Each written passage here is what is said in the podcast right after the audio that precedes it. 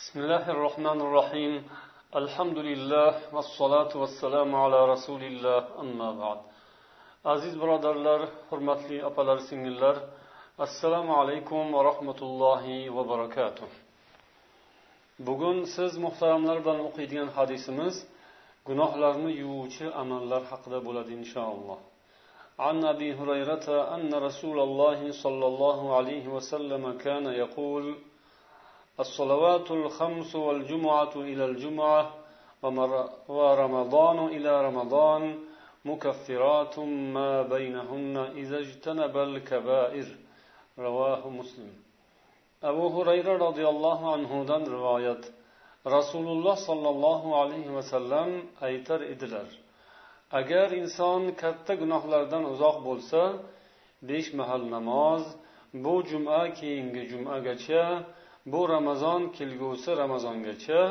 shu muddat orasidagi gunohlarga kafforatdir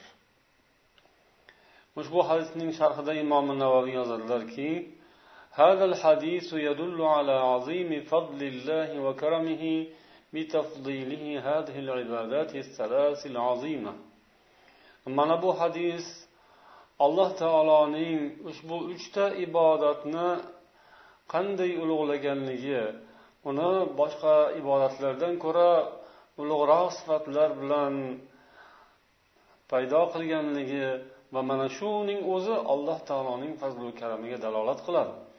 Ya'ni alloh taolo bizga qilgan yaxshiligi bizga ato qilgan ulug' ne'matlari alloh taoloning fazlu karami saxovatidan dalolat beradi.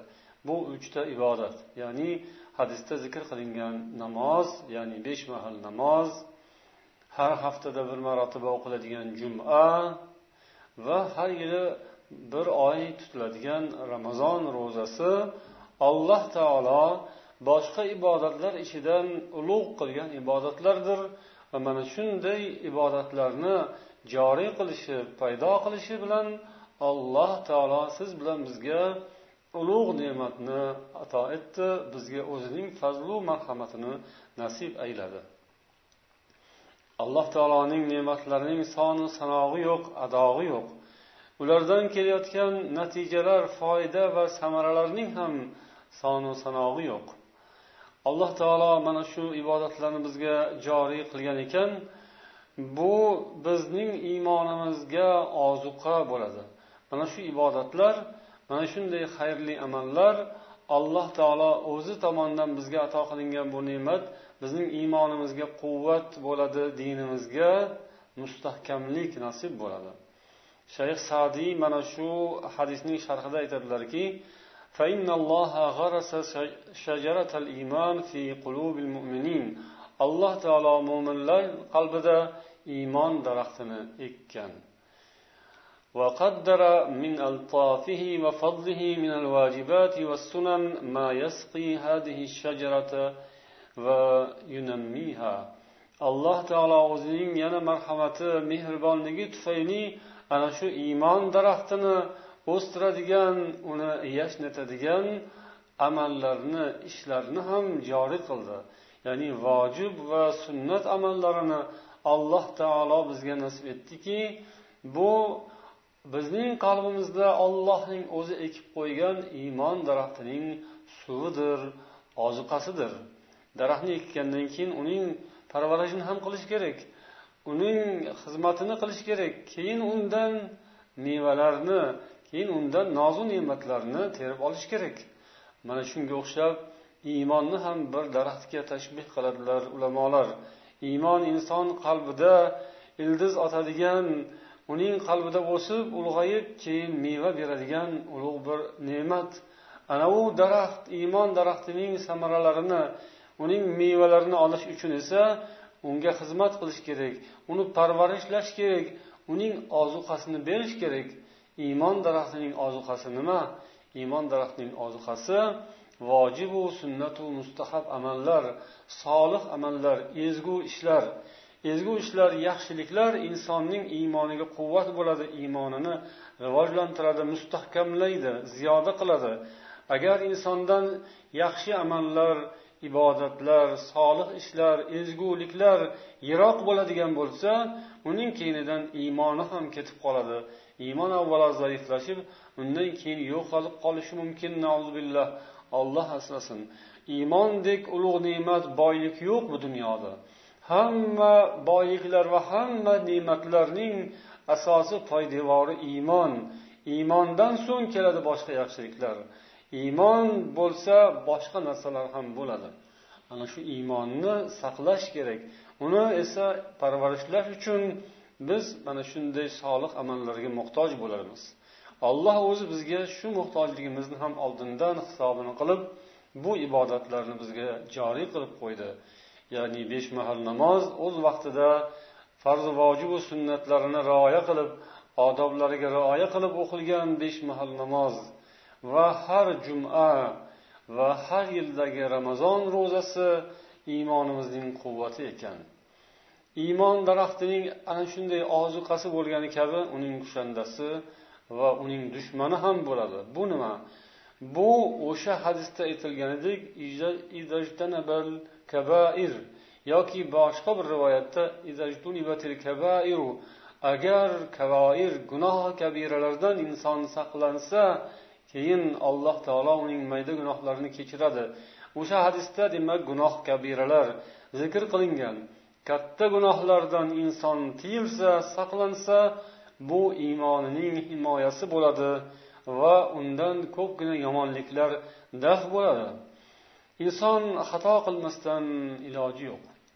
Xatosiz inson yo'q. Alloh taolo insonni xato qiladigan qilib yaratgan. Insondan xatolar va gunohlar sodir bo'lib turadi.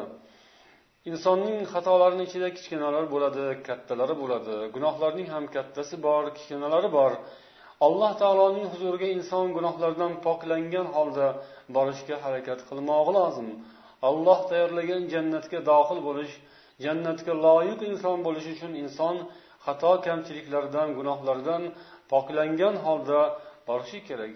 Gunohlardan poklanishning bu yo'l bu dunyodagi yo'llar ham bor oxiratdagisi ham bor. Oxiratdagisi esa azob jahannam billah minan nar jahannam azobiga tushib gunohlaridan poklanib chiqib keyin jannatga kiradiganlar bo'ladi. Jahannam azobiga duchor bo'lmasdan bu dunyoda gunohlaridan poklanib borganlar bo'ladi. Alloh bizni mana shu dunyoda xato kamchilik gunohlarimizdan poklanib olishimizni nasib etsin. Bunga hech narsa yetmaydi. Olloh ham shuni biladi. Rasululloh ham shu yaxshilikni biladilar. Bizga nima zarurligini biladilar. Gunohlardan bu dunyoda qutulib olish afzal ekani ma'lum. Shu narsani bizga ta'kidlab buning yo'lini bizga ko'rsatyaptilar.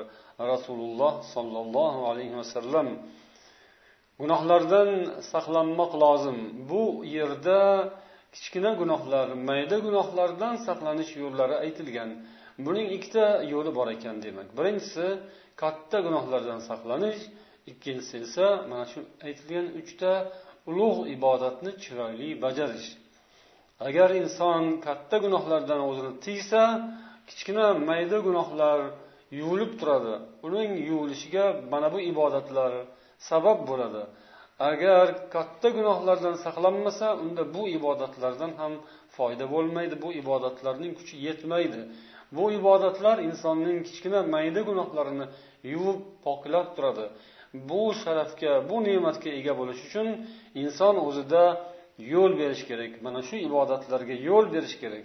Besh mahal namozi haftasida jumasi va bir yilda ro'zasi eng muhim shart eng muhim ibodat. Islomning shiori insonning musulmon ekanligini ko'rsatib turadigan doimiy ravishda ko'rsatib turadigan alomati belgisi. Mana shu alomatni qo'ldan boy bermagan insonning xato kamchiliklari mayda gunohlari yuvilib turadi. إن تجتنبوا كبائر ما تنهون عنه نكفر عنكم سيئاتكم وندخلكم مدخلا كريما deb alloh taolo marhamat qiladiki agar sizlar qaytarilgan ishlarning kattalaridan o'zingizni tiysangiz to'xtasangiz biz sizlarning gunohlaringizni yomonliklaringizni kechirib yuboramiz o'chirib yuboramiz deydi bu yerda yomonliklardan murod kichkina mayda xatolar mayda gunohlar ekanligini ulamolar ta'kidlashgan. Va sizlarni bir judayam chiroyli juda ham bir izzatu ikromli hurmatli joylarga kirgizamiz ya'ni jannatga dohil qilamiz. Izzatu ikrom bilan yashaydigan qarorgohga sizni sizlarni dohil qilamiz deydi alloh taolo. Gunohi kabiralardan saqlanib gunohi sag'iralardan ham inson poklanib alloh taolo huzuriga borsa ana shunday marhamatlarga erishadi. Lekin gunohi kabiralar o'z uz o'zidan yuvilmaydi deyishadi ulamolar. Balki gunoh kabiralarga xos tavba lozim. Uning shartlarini bajo qilish kerak. Gunoh kabira qilgan odam o'z uz o'zidan ibodat qilishi bilan u gunohlar yuvilmaydi. Kichkina gunohlari yuviladi katta gunohlar esa turadi. Ularga alohida tavba qilish kerak tavbaning shartlarini bajo qilish kerak. Shunda u gunoh kabiralardan qutuladi alloh taolo. Tavba bilan barcha gunohlarni kechadi. Shuning uchun alloh huzuriga chin tavba qilmoq lozim. Gunohlardan tiyilmoq lozim katta gunohlardan o'zini saqlamoq lozim. Kichkina gunohlar esa insonning o'zidan ixtiyorsiz ravishda sodir bo'ladi. Buni alloh taolo ana bu yuqoridagi ishlar tufaylidan kechirib turadi. Ya'ni katta gunohlardan tiyilish sharti ikkinchisi ibodatlarni chiroyli bajarish shart mana shu ikkita narsaning sharofati bilan olloh insonlardan sodir bo'ladigan juda ko'p gunohlarni ya'ni kichkina mayda xato kamchilik gunohlarni alloh taolo kechirib turadi. Agar olloh bularni kechirib turmasa nima bo'lardi kechirib turmasa unda bu ham azobga aylanardi. Chunki kichkina gunohlar yig'ilib katta gunohga aylanadi. Oppoq kiyimingizga tekkan kichkina gard kichkina bir zarracha bo'lsa ham uni o'z vaqtida tozalab turmasangiz ular yig'ilib yig'ilib kiyimingizni xunuk qilib qo'yadi. Ozgina ozgina tekkan noxush narsalar zarralar changu g'uborlar agar o'z vaqtida tozalansa yengil osonlik bilan ketadi kiyimingiz pokiza saqlanadi. Beparvo bo'lgan odam befarosat bo'lgan odam tozalikka uncha rioya qilmaydigan odamning kiyimi u balchiq tegib emas loy tegib emas qon tegib emas unday katta narsalar tegmasa ham o'zi oddiy chang bilan ham bo'lagancha bo'lib qoladi. Insonning gunohlari ham shunga o'xshab ketadi. Katta gunohlardan tiyilishdan tashqari mayda gunohlardan ham inson ehtiyot bo'lishi kerak. Bo'lmasa katta gunohlar qilganga o'xshab insonning mayda gunohlari og'irlashib kattalashib uni jannat yo'lidan to'sib qo'yadi. Endi gunohlarning o'zaro taqqosi ham muqoyasasi ham bunga bir e'tibor qaratishimiz kerak. Demak bu so'zlardan ko'rinadiki gunohlar ikki qismga bo'linar ekan. Shayx sadiy aytadilar kabair va sag'oir bu hadis gunohlar ikki qismga bo'linishiga ochiq oydin dalolat qiladi. Ya'ni katta gunohlar va kichkina gunohlar. Bularning farqi haqida juda ko'p so'zlar aytilgan. Ya'ni katta gunohlar deganda nimalarni nazarda tutiladi? Bu borada bir qancha ta'riflar keltirilgan. Bularning ichida eng mashhurlarini tilga olib o'tamiz. Gunoh kabira deganda mana bu dunyoda jazo belgilangan amallar tushuniladi. Ya'ni zinoga jazo belgilangan qur'onda va hadisda o'g'irlik qilganga odam o'ldirganga bu dunyoda jazo shariat tomonidan jazo had belgilangan. Ana shunday jazo belgilangan amallar gunoh kabiraga kiradi deyiladi. Yoki ikkinchi xil bir ta'rifda yoki oxiratda jazo oxiratda azob va'da qilingan azob bor deb aytilgan ishlar ya'ni ba'zi gunohlar borki oxiratda mana bunday mana bunday masalan odam o'ldirganga do'zax deyilgan aroq ichganga do'zax jahannam azoblari yoki zino qilgan odamga o'g'irlik qilgan odamga qiyomat kuni mana bunday mana bunday azoblar bo'ladi deb aytilgan. Ana shunday oxiratda azob belgilangan aytilgan bo'lsa o'sha ish gunoh kabira hisoblanadi. Ya'ni katta gunoh katta jinoyat. Uchinchi xil tarifda yoki uni qilgan odam la'natlangan bo'lsa masalan aroq ichgan odamni la'natlangan. Aroq tufaylidan o'nta odamni la'natlangan aroq tayyorlaganni sotganni olib kelib berganni buyurtma berganni ichganni va hokazo o'nta odamga la'nat aytilgan hadisda. Demak bu la'nat aytilgan ishlar gunoh kabira bo'ladi. Yoki to'rtinchi xil tarifda shu ishga ollohning g'azabi keladi deyilgan ishlar ham gunoh kabira bo'ladi. Ya'ni ota onani g'azablantirish yoki shunga o'xshash boshqa ishlarda gunoh kabira sanaladi sababki alloh taoloning g'azabi bor bunda deyiladi. Allohning g'azabi bor deb aytilgan ishlar gunoh kabira bo'ladi undan tavba qilish kerak tiyilish kerak o'shanday ishlardan ehtiyot bo'lish kerak. Sag'ira esa ya'ni kichkina gunohlar esa bundan boshqalari ya'ni unga azob aytilmagan oxiratda yoki bu dunyoda jazo belgilanmagan yoki allohning g'azabi bo'ladi deb aytilmagan yoki esa uni la'nat qilinmagan bo'lsa lekin odamlarga yoqmaydigan yoqimsiz ishlar zararli ishlar ko'p dunyoda ular gunohi sag'ira kichkina gunohlarga kiradi. Gunohning kattasi ham kichkinasi ham yomon. Kattasidan ham kichkinasidan ham inson saqlanish kerak. Katta gunohlardan saqlanishning iloji bor lekin kichkina gunohlardan hamma ham saqlana olmaydi. Kichkina gunohlarni ancha muncha odam bilib bilmay qilib qo'yadi. Shuning uchun olloh bizga rahm qilib bizga yordam qilib ana u yuqoridagi uchta ibodatni ko'rsatdiki shu ibodatlarni chiroyli qilsangiz kichkina gunohlaringizni alloh taolo kechirib turadi dedi. Kichik gunoh bo'ladimi katta gunoh bo'ladimi inson qo'rqish kerak. Gunohni gunoh deb bilish kerak. Katta gunohga qattiq azob yoki katta gunoh yozilsa kichkina gunohga undan kichikroq bo'lishi mumkin. Lekin agar inson befarqlik qiladigan bo'lsa ha bu kichkina gunohku hech narsa qilmaydi desa ana u odam ham gunohga botishi mumkin. Bu ham xatarli ishga aylanadi. Gunohning kattasidan ham ehtiyot bo'lish kerak kichkinasidan ham ehtiyot bo'lish kerak. Alloh taolo siz bilan bizning bu dunyomizni ham oxiratimizni ham obod bo'lishini baxtli hayotga musharraf bo'lishimizni istab xohlab mana shunday yo'llarni bizga ko'rsatdi. Rasululloh bizga bularni o'rgatdilar.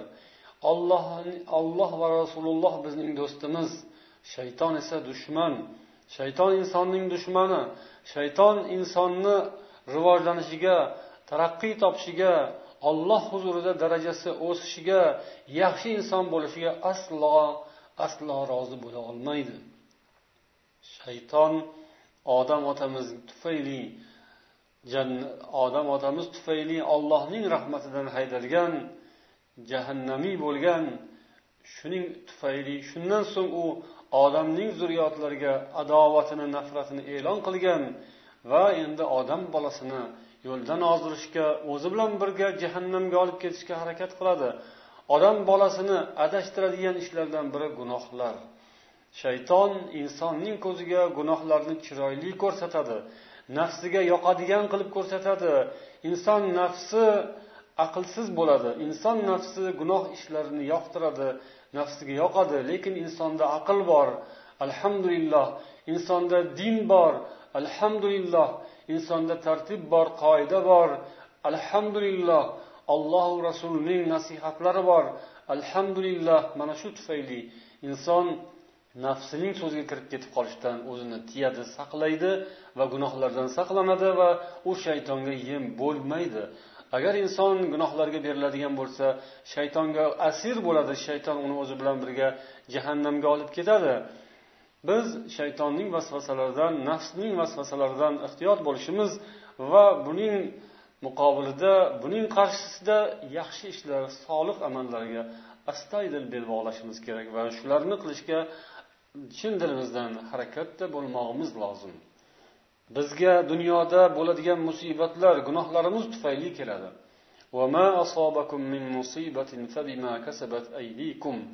Alloh taolo aytadi sizlarga nimaiki musibat yetgan bo'lsa o'zingizning qo'lingiz bilan qilgan qilmishingiz tufaylidir deydi. Buni shayton biladi. Shuning uchun insonning qo'li bilan gunoh qildirishga harakat qiladi. Toki bu insonning boshiga musibat kelsin u shayton xursand bo'lsin. Shaytonning maqsadi shu shaytonning shiori shu. Bu narsani bilish kerak inson bilib turib bu ishni qilish kerak emas. Alloh va rasul bizni ogohlantirdilar. Shayton sizning shayton sizga ochiqdan ochiq dushman. Uning aytganini qilmang. Uning uslublarini qarang ko'ring. U sizga gunohni chiroyli ko'rsatadi va sizga musibat kirishni xohlaydi gunoh qildiradi va o'zi bilan birga shayton qavmiga olib kiradi. Rojim. Alloh barchamizni musibatlardan saqlasin. Musibatdan saqlanish yo'li esa gunohlardan saqlanaylik. Alloh barchamizni savobli amallarimizni ziyoda qilsin. Buning natijasi oqibati samarasi o'laroq iymonimiz ziyoda bo'ladi. Allohning huzurida izzatu martabaga sazovor bo'lamiz. Alloh barchamizga ana shu baxtni nasib aylasin. Vassalomu alaykum va rahmatullohi va barakatuh.